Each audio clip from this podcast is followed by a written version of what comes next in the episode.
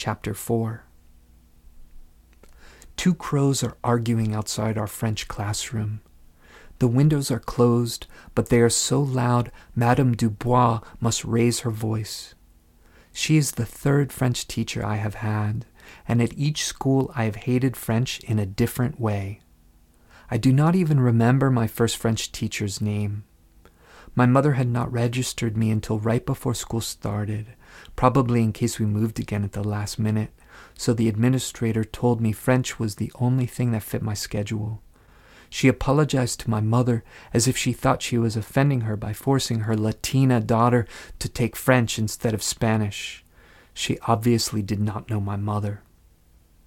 So I began seventh grade with both an awful chorus tryout and an awful French teacher who made us stupid French sounding names. Mine was Jacqueline, as if there was anything lean about me.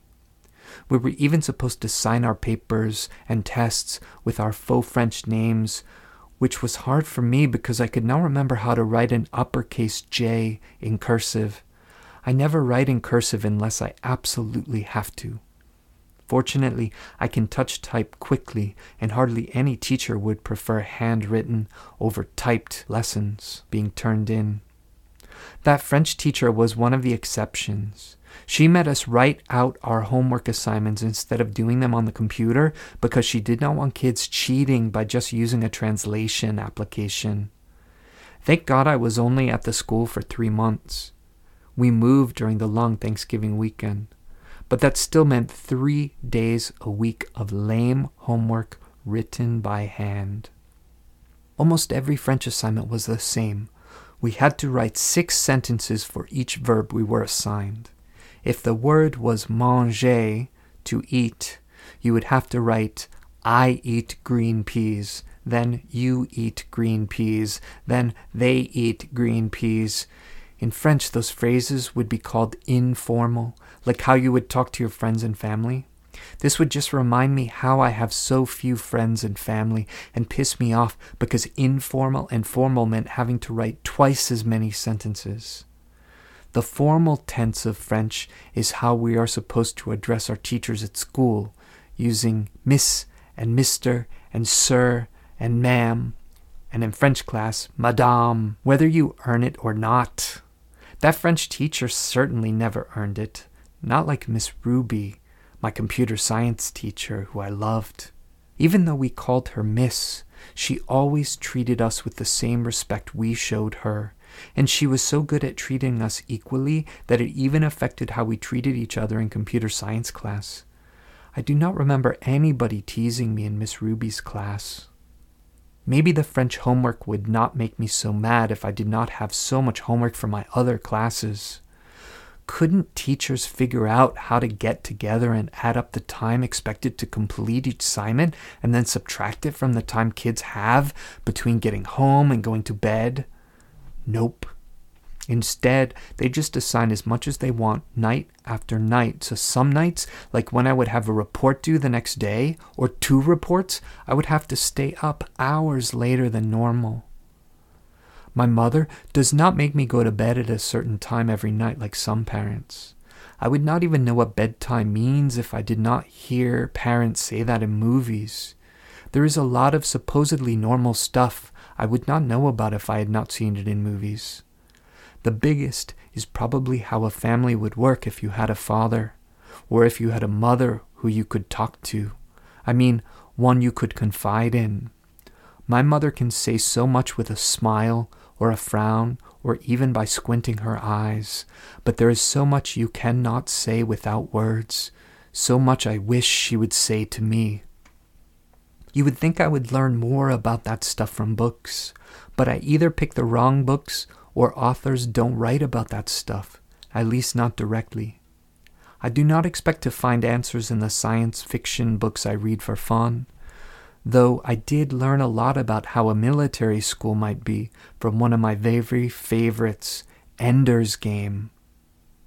Movies may be more useful, not only because of what you hear characters saying, but also because you can hear their tone. See their expression, catch their body language, see where they live, what they choose to put on the walls. Unlike me, most kids sleep in rooms where the walls are covered in posters, huge photographs of singers and actors and horses and sports cars and scenes from movies. And you always see pictures in frames on their bureaus or their nightstands. I do not have any of that stuff in my bedroom. My walls are bare, and the only picture in our entire apartment is a small one of my grandfather and grandmother in a plain wooden frame. It hangs on the wall beside my bedroom door. A long time ago, I had a few posters one of a unicorn in an enchanted forest, and one of a real nebula photographed in outer space. But we move so often that it is not really worth the effort, and I am too old for unicorns now and there are no singers I like so much that I would want them looking down on me when I wake up. My heroes do not need to be on my wall. People like Madame Curie, a woman who had to fight to get into college at a time when women were hardly allowed to be scientists. She went on to win two Nobel Prizes and have her daughter Irene won a Nobel Prize too. Even Madame Curie's husband won a Nobel Prize. If I could be any girl in history, I would be Irene Curie. Imagine being the daughter of two world famous scientists. Her mother was a physicist and a chemist. While she did not discover radioactivity, Madame Curie figured out how to isolate radioactive isotopes and discovered two new elements, radium and polonium. I mean, how many people have discovered an element? Eventually, Monsieur and Madame Curie even had a new element named after them. Even though she did much of her early work with her husband and they shared her first Nobel Prize, she is more famous. Not because great women scientists are so rare, but because she was such a great scientist. Ironically, the work of the Curie family, mother, father, and daughter led to both the development of great medical devices and the deadliest weapons imaginable. Seriously, X rays and atomic bombs. Surely no family has had a greater impact on our society and on history. I did not learn any of this in school. We had to learn about the periodic table of elements, but nothing about the incredible history behind those atomic numbers and where number 96 got its name from. The discovery of curium many years after Marie died from secret side effects was top secret until after World War II ended. You would never imagine how the secret element was revealed. Elements, actually, since number 95, American Americ, I don't know how to pronounce it, Americium, was revealed at the same time. A few months after the war ended, during this children's radio show called Quiz Show, somebody in the audience asked about new elements which might have been discovered during the war. Cool, right? These two elements had not even been named yet until the person answered the children's show audience. Now, Madame Curie is one lady who I would be happy to use the formal tense of French for.